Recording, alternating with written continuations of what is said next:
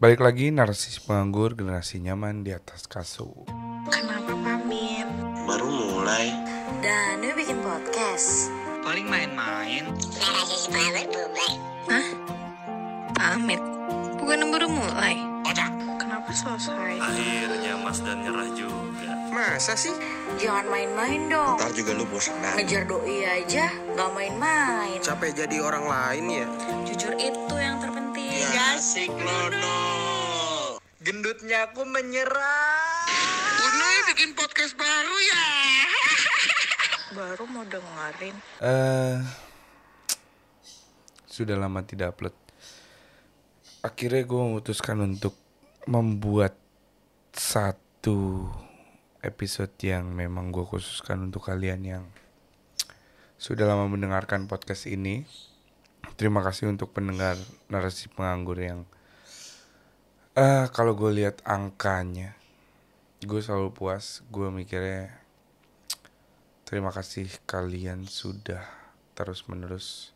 Terima kasih juga untuk kalian yang ngasih masukan, nyemangatin gue untuk terus bikin podcast ini.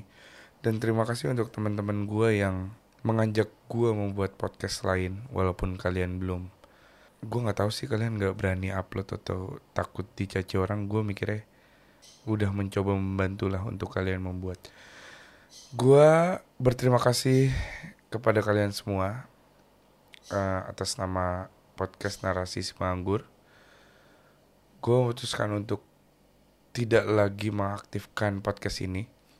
Kenapa podcast ini dibuat? Episode kali ini adalah episode perpisahan yang memang gue rasa sayang di saat gue udah ada podcast dan ternyata di saat lo ngapus semua materi lu, lu harus menyisakan satu yang tertinggal di di di podcast lu di semisal kayak gue narasi si penganggur.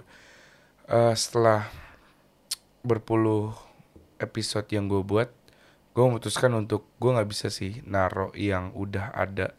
Gue akan menjadi ingat di saat gue ngebuka podcast yang gue tinggalkan yang sudah ada gue dengar lagi gue kayak kenapa ya harus gue sisain yang ini? Pasti gue akan berpikir apa spesial episode itu? Jadi gue memutuskan untuk buat untuk gue tinggalkan di podcast gue yang gue senang banget memulainya yang merubah merubah pola pikir gue untuk ini sih harusnya gue nyoba sih. Lo nggak usah malu lo nggak usah ragu. Di saat lu nyoba lu akan bisa ngalahin males lu. Edan ngerti gak tuh? Itu berapa judul dari podcast gue yang gue jadiin satu kalimat edan eh intinya di podcast kali ini gue pengen sedikit minta maaf kepada kalian yang masih ada yang nanyain kapan kapan upload. Coba gue nggak terlalu percaya sih sama lu, lu orang.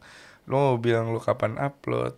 Mas gue mau dong bikin sama lu. Gue belum tentu percaya tahu kalian tuh dengar sampai habis.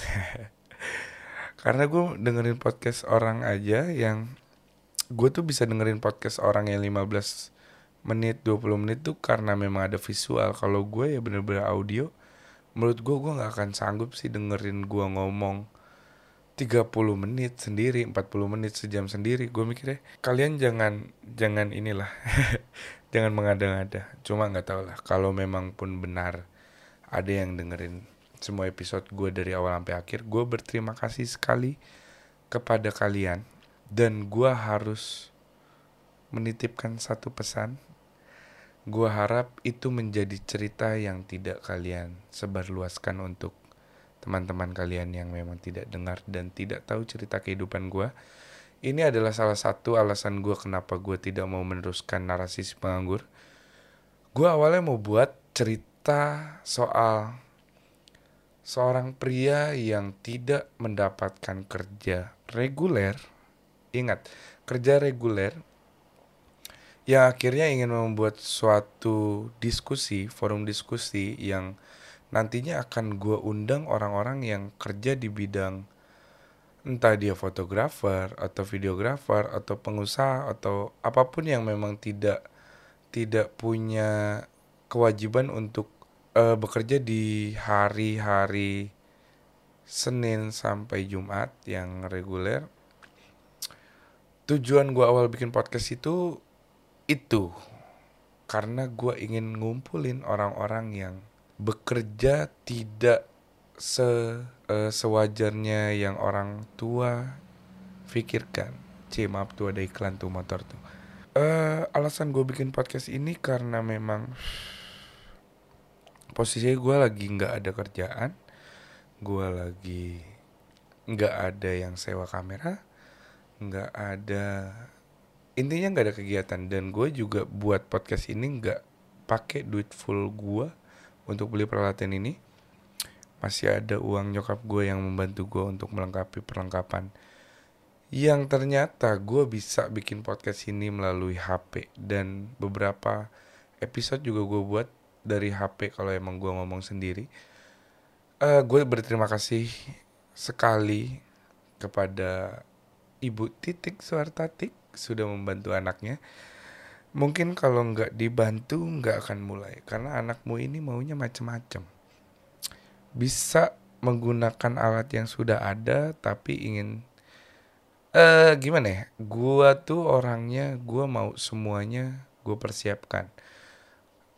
Gua mau apa yang gue beli di awal itu menjadi aset gua di kemudian hari di perjalanan gue melakukan hal ini, eh, aktivitas ini, membuat podcast ini, gue merasa gue harus beli sesuatu yang memang gue pakai terus. Tuh masih ada motor tuh, jam 3 pagi. Eh, gue berterima kasih kepada nyokap gue, eh, yang pasti semua keluarga gue dan kalian semua lah yang masih, yang gue nggak sadar bisa eh punya episode sebanyak itu, gue berterima kasih kepada kalian. Mungkin kalau kalian gak ada sisi munafiknya untuk minta gue, kapan upload mas?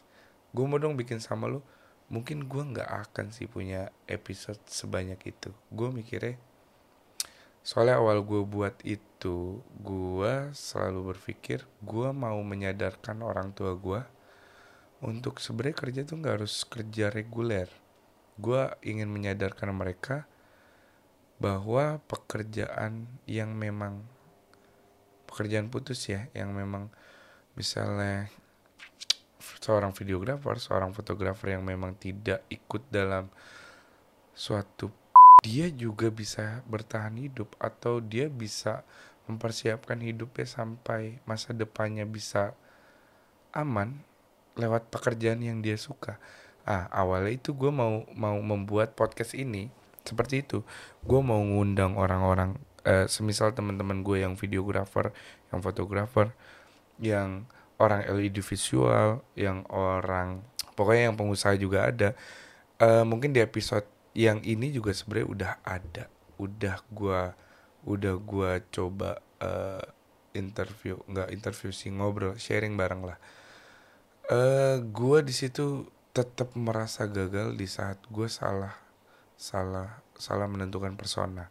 Persona yang gue bangun di saat gue membangun podcast ini adalah gue yang selalu berkeluh kesah gue yang selalu uh, menceritakan apa yang sedang gue alami yang buruk-buruknya yang gue lupa gue harus bersyukur di dalam kesusahan gue, di dalam penderitaan gue, di dalam ujian gue selalu ada cerita yang sudah ditulis Allah menjadi cerita yang lebih indah di kemudian hari. Gue percaya itu dan gue tidak mau lagi uh, dikenal sebagai penganggur yang truly penganggur. Gue gue awalnya senang bisa mengaku gue nganggur, gue nggak kerja, gue dapat duit dari ini dari itu. Cuma balik lagi gue kesusahan untuk menjadi diri gue yang gue buat hanya untuk calon pasangan hidup gue gue selalu bilang gue nganggur karena gue nggak bisa ngejelasin gue per bulan dapat berapa. Itu intinya. Gue masih bisa seneng kalau gue bisa cerita ke calon gue seperti itu. Gue akan bahagia banget kalau memang ada yang bisa bukan bisa. Kalau ada yang mau berjuang bukan hidup susah. Gue gue hanya menginginkan gue ingin punya teman hidup yang bisa menemani gue berjuang untuk ada di titik yang kita inginkan. Karena gue yakin keinginan itu datangnya dari kedua belah pihak. Uh, pihak wanita dan keluarga besar bahkan gue uh, jadi gue singkatin aja gue mulai podcast ini. Jadi dari tadi belum mulai belum uh, hari ini tuh gue pengen pengen ngomongin gini loh. Uh, untuk episode kali ini gue ingin sedikit ngalor ngidul soal tempat cerita yang baik. Uh, karena gue menyadari bahwa terlalu banyak dari kalian yang bisa curhat ke teman baik kalian soal pribadi yang memang seharusnya tidak kalian bicarakan. Jadi contoh pertama yang gue riskankan terhadap kalian adalah uh, bentar.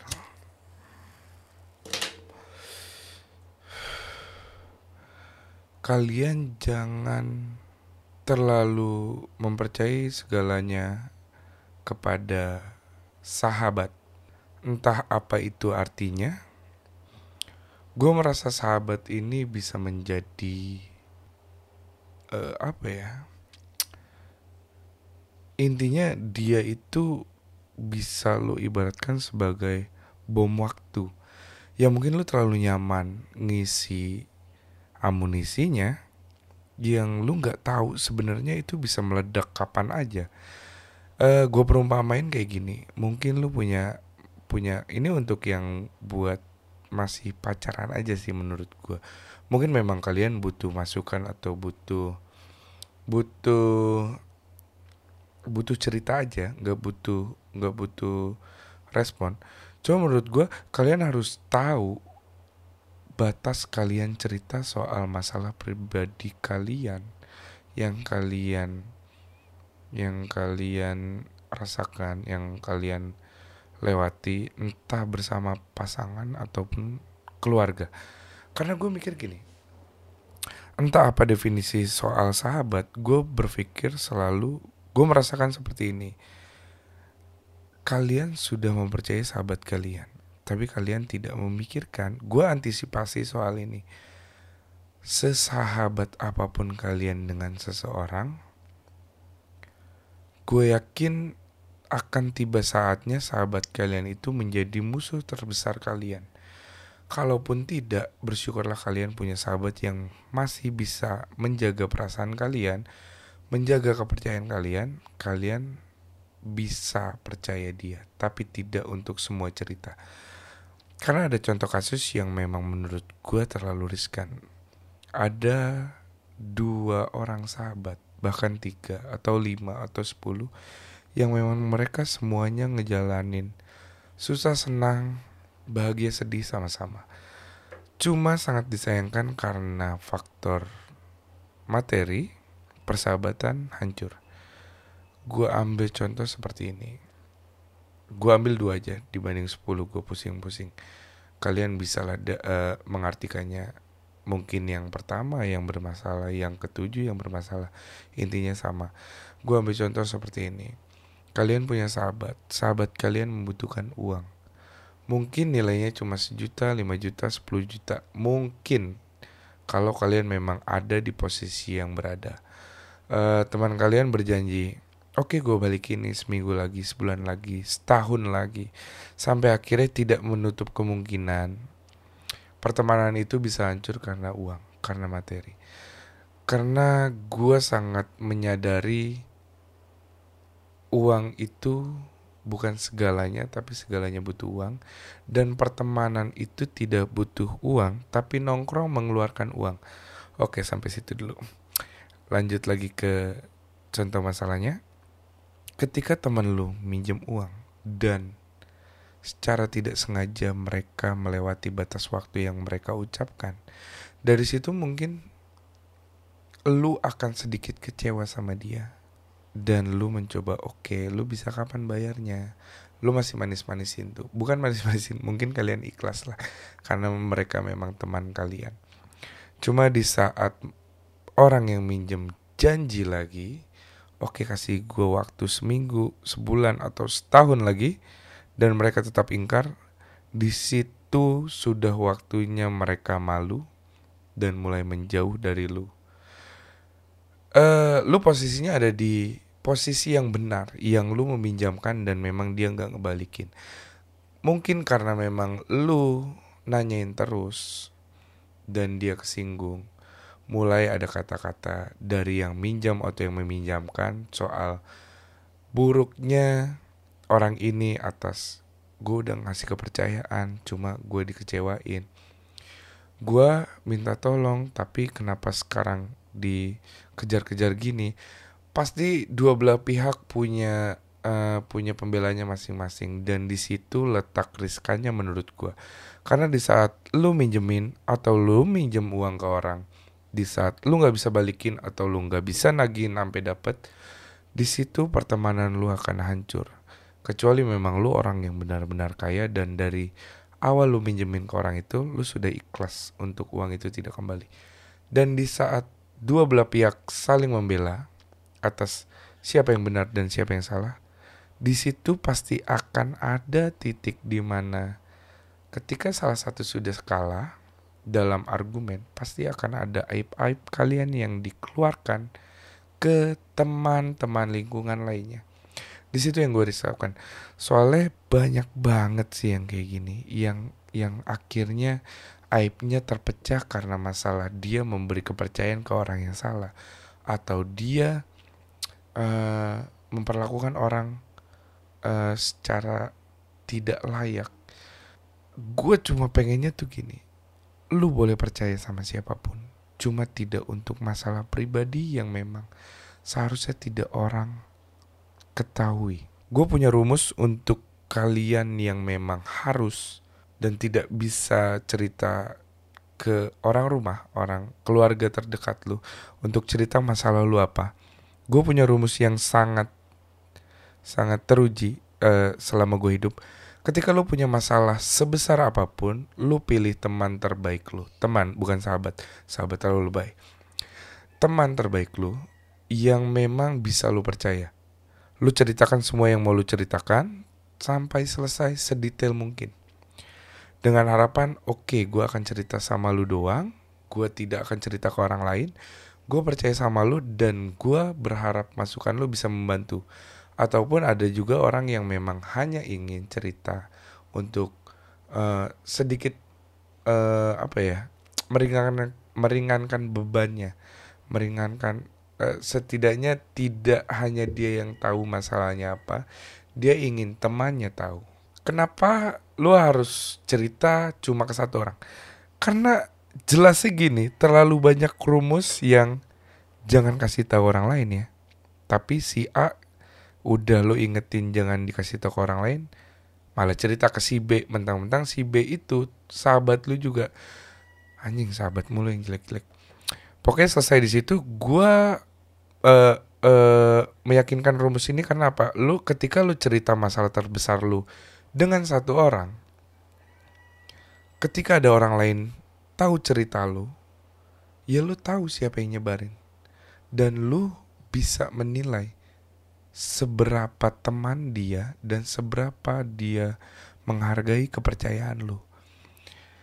Karena terlalu banyak teman cerita yang mengaku-ngaku, yang so baik, yang so gue jujur aja gue sama teman gue yang gak deket pun, kalaupun gue diajak cerita, oke okay, gue welcome. Cuma lu jangan salahin gue ketika keluarlah kata-kata anjing goblok tolol, karena gue sudah melewati itu. Dan gue menyayangkan teman gue melakukan hal yang sama. Bukan karena, ya lu kan udah ngelewatin, nu karena gue udah melewati gue merasa gue menghabiskan waktu gue untuk merasa lemah sendiri merasa tidak ada teman yang bisa membantu gue tidak ingin teman-teman gue merasakan apa yang gue rasakan dan kalaupun ada teman gue yang merasakan sama dengan perasaan gue gue inginnya gue cerita balik ke dia. Gue dulu kayak gini uh, jalan keluarnya di sini selesai di situ. Gue nggak mau banyak cerita sih ke orang. Cuma memang ada beberapa teman gue, teman cerita yang benar-benar teman cerita gue, yang gue pastikan setiap cerita akan berbeda dan setiap orang akan menyimpan cerita yang berbeda. Kalaupun itu sama, menurut gue itu memang udah cerita untuk untuk untuk untuk publik bukan bukan yang gue khawat khawatirkan untuk nyebar ke mana-mana. Eh pinter-pinter lah eh, lu seleksi temen lu dengan cerita-cerita lu. Eh kalau berikutnya ya contoh-contoh berikutnya. Selalu ada permasalahan teruntuk cewek sebenarnya. Gua kebetulan punya banyak teman yang gua hidup di Jakarta 4 tahun ngekos gue merasakan punya banyak teman yang hidupnya galau terus sedih terus nggak punya Wah pokoknya hidupnya pokoknya ngeluh aja ngeluh ngeluhnya tuh ngeluh ke satu cowok bukan ke satu Tuhan. Menurut gua gua adalah salah satu orang yang tepat untuk jadi teman cerita lu. Di saat lu ditinggal cowok lu atau sebaliknya gua akan menjadi teman yang tepat karena mungkin nasihat gua atau gua baik dalam mendengarkan cerita orang. Gua akan sangat menghormati orang yang cerita ke gua. Dia butuh nasihat atau cuma mau didengerin gua akan sangat menghargai. Karena gua menghargai kesempatan gua untuk mengenal teman jauh gua yang mungkin bisa jadi teman baik gua. Selesai di situ gue baik lagi masalah cewek kebanyakan apa? Satu dia ditinggal cowoknya. Entah apa yang sudah dia korbankan dia merasa gue harus sama dia gue nggak mau ngulang itu sama orang lain. Selesai di situ gue selalu bilang di saat lo nunggu orang yang sudah bahagia sama orang lain eh gue merasa lu jadi orang yang gagal karena lu ngebuang waktu lu untuk mikirin orang yang sedang bahagia dengan orang lain. Karena gue merasakan gini ada salah satu cerita temen gue yang memang kasarnya dia kehilangan perawan sama mantannya sama cowoknya.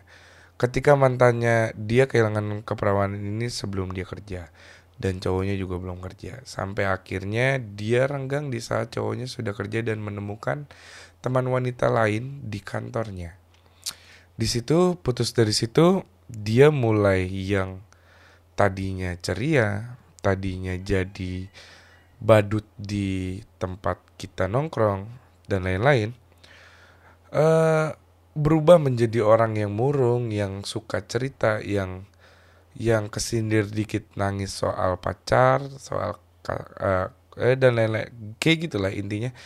Gue selalu berpikir lu nggak ngebayangin nih masih banyak banget cowok yang nggak ngelihat cewek dari keperawanannya doang. Mungkin terlalu ekstrim gue ngomongin kayak gini cuma ini emang contoh kasus yang paling yang menurut gue paling banyak terjadi lah di di di kehidupan eh, lingkungan gue eh anggap aja kayak gini.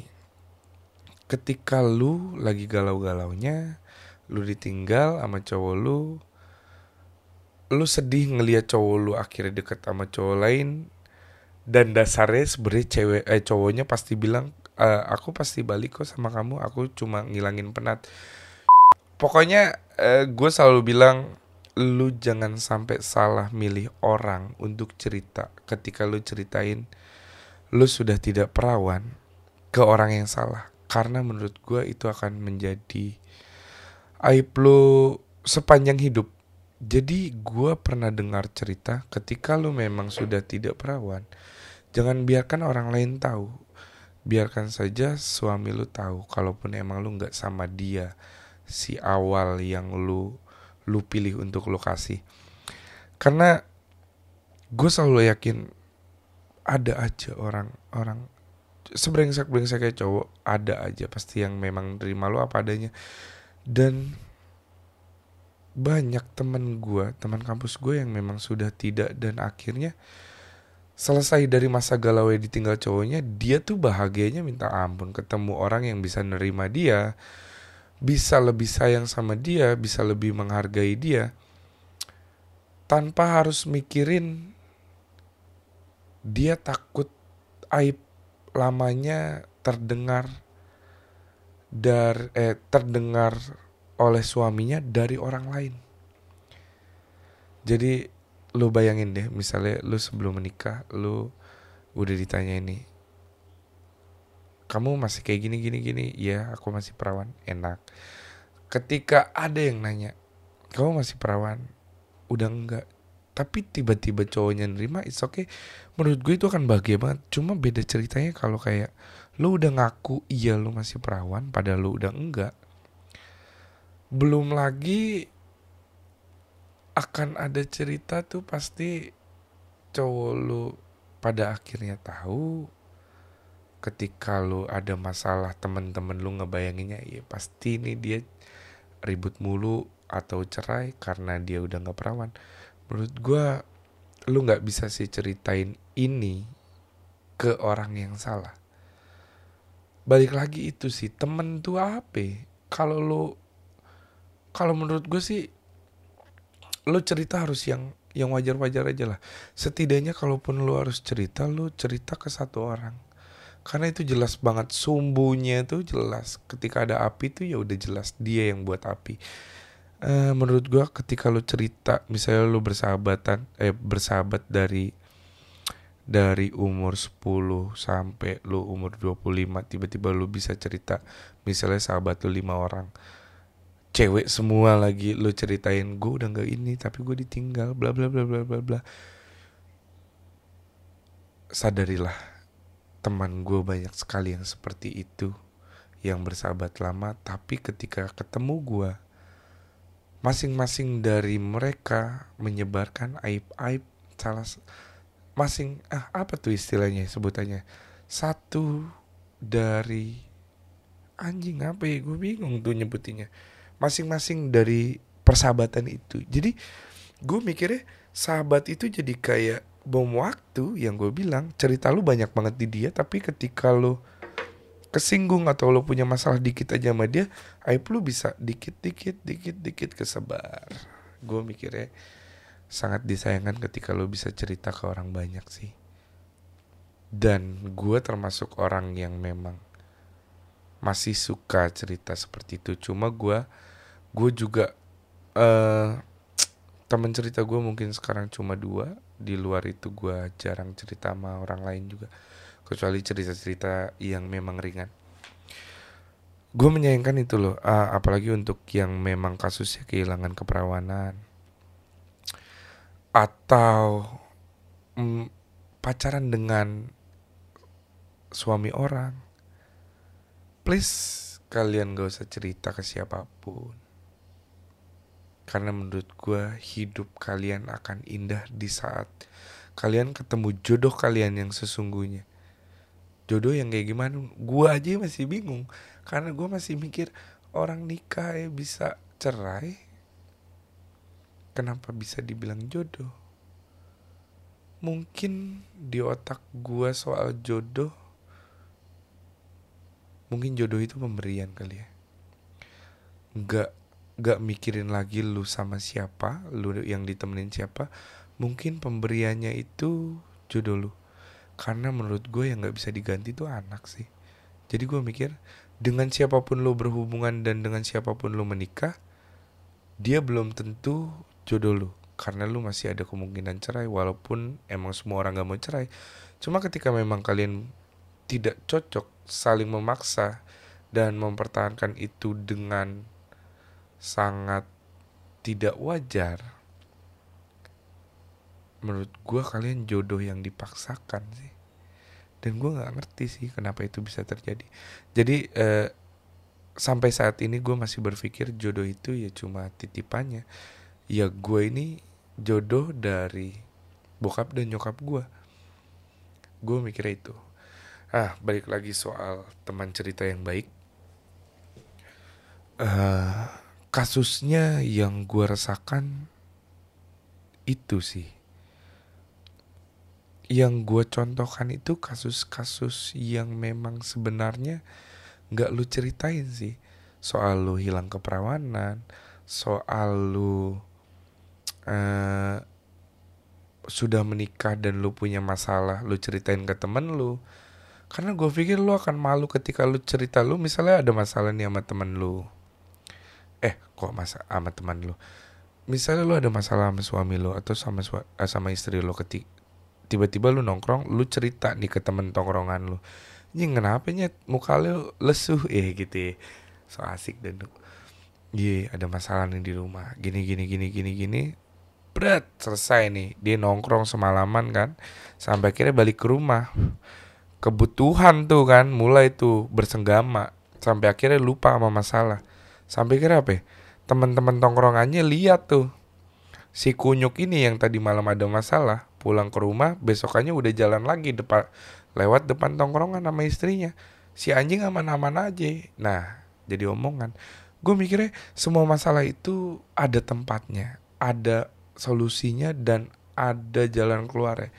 Gue mikirnya teman-teman lu itu belum tentu jadi orang terbaik di hidup lu kalau masalah soal menyimpan cerita karena manusia terlalu mudah terlalu mudah hilaf terma, terlalu mudah spontan. Cek wuhui karena mulut ini susah banget direm loh. Sayang banget untuk kalian yang apa-apa cerita apa-apa cerita. Gue sempat menjadi orang yang apa-apa cerita. Sampai ada satu cerita yang memang gue ceritain. Ini gue ceritain teman cerita gue menjadi teman cerita terbaik gue walaupun dia suka suka ngeledekin gue di depan orangnya atau di depan orang yang gue ceritain. Cuma dia tahu kapan harus bocorin kapan tidak. Karena dia tahu karena dia orang yang uh, menjaga sekali privasinya ya kayak snapgram aja kalau lagi di luar dia nggak mau di snapgramin. Jadi gue percaya sama dia soal itu dia bisa menjaga itu. Uh, sampai tiba ketika tuh gue merasa gue menyimpan cerita-cerita gue ke dia. Dengan alasan dia juga cerita ke gue dan gue menjaga cerita-ceritanya.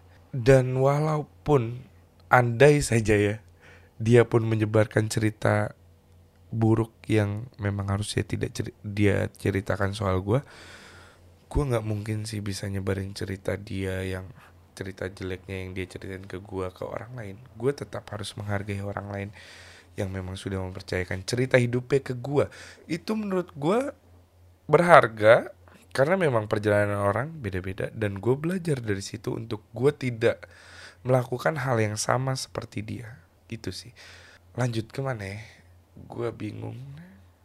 Jadi ke bawah-bawah. Ya pokoknya gini aja. Gue simpulkan gue belum lama mendapatkan teman berbagi. Bukan teman cerita mungkin ya teman berbagi. Mungkin ada kalanya dia bisa jadi teman cerita tapi balik lagi yang gue bilang. Dari satu kisah satu cerita ke satu orang. Gak usah lo double dobelin ke orang misalnya ke A dan ke B lu kasih ke A aja yang ini B ke yang ini. Jadi lu mungkin bisa percaya sama maksimal lima orang dalam hidup lu untuk jadi teman cerita lu. Dan satu orang dari lima orang ini selalu punya cerita yang sama. Jadi ketika ada yang nyebar lu sudah tahu yang nyebarin siapa. Oke not yang itu ya. Dan gue selalu bersyukur sekarang gini mungkin gue punya teman berbagi saat ini bukan teman cerita gue bersyukur masih ada orang yang akhirnya bilang ke gue gue bersyukur sih nu bisa kenal sama lu. Mungkin adik gue bisa deket sama gue karena memang dia adik gue yang dilahirkan dan takdirnya memang menjadi saudara gue yang membuat gue terharu masih ada orang yang bilang lu adalah saudara gue yang gue pilih yang dipertemukan Allah setelah gua umur sekarang. Itu merindingnya minta ampun, Pak. Lanjutan kata-katanya, kalau lu susah, lu kabarin gua, insya Allah gua bantu. Gua tidak, tidak, tidak, tidak ini, tidak, tidak, tidak ingin membebankan orang lain. Gua tetap eh, percaya hidup gue sudah ada yang ngatur dan gue tinggal berusaha dan mencari mencari sampai gue menuju ke titik yang memang gue inginkan atau Allah catatkan di ceritanya. Tapi di lain sisi gue sangat bahagia ketika gue punya teman cerita yang baik teman berbagi yang baik dan teman belajar yang selalu bisa ngajarin gue apa pun yang mereka bisa.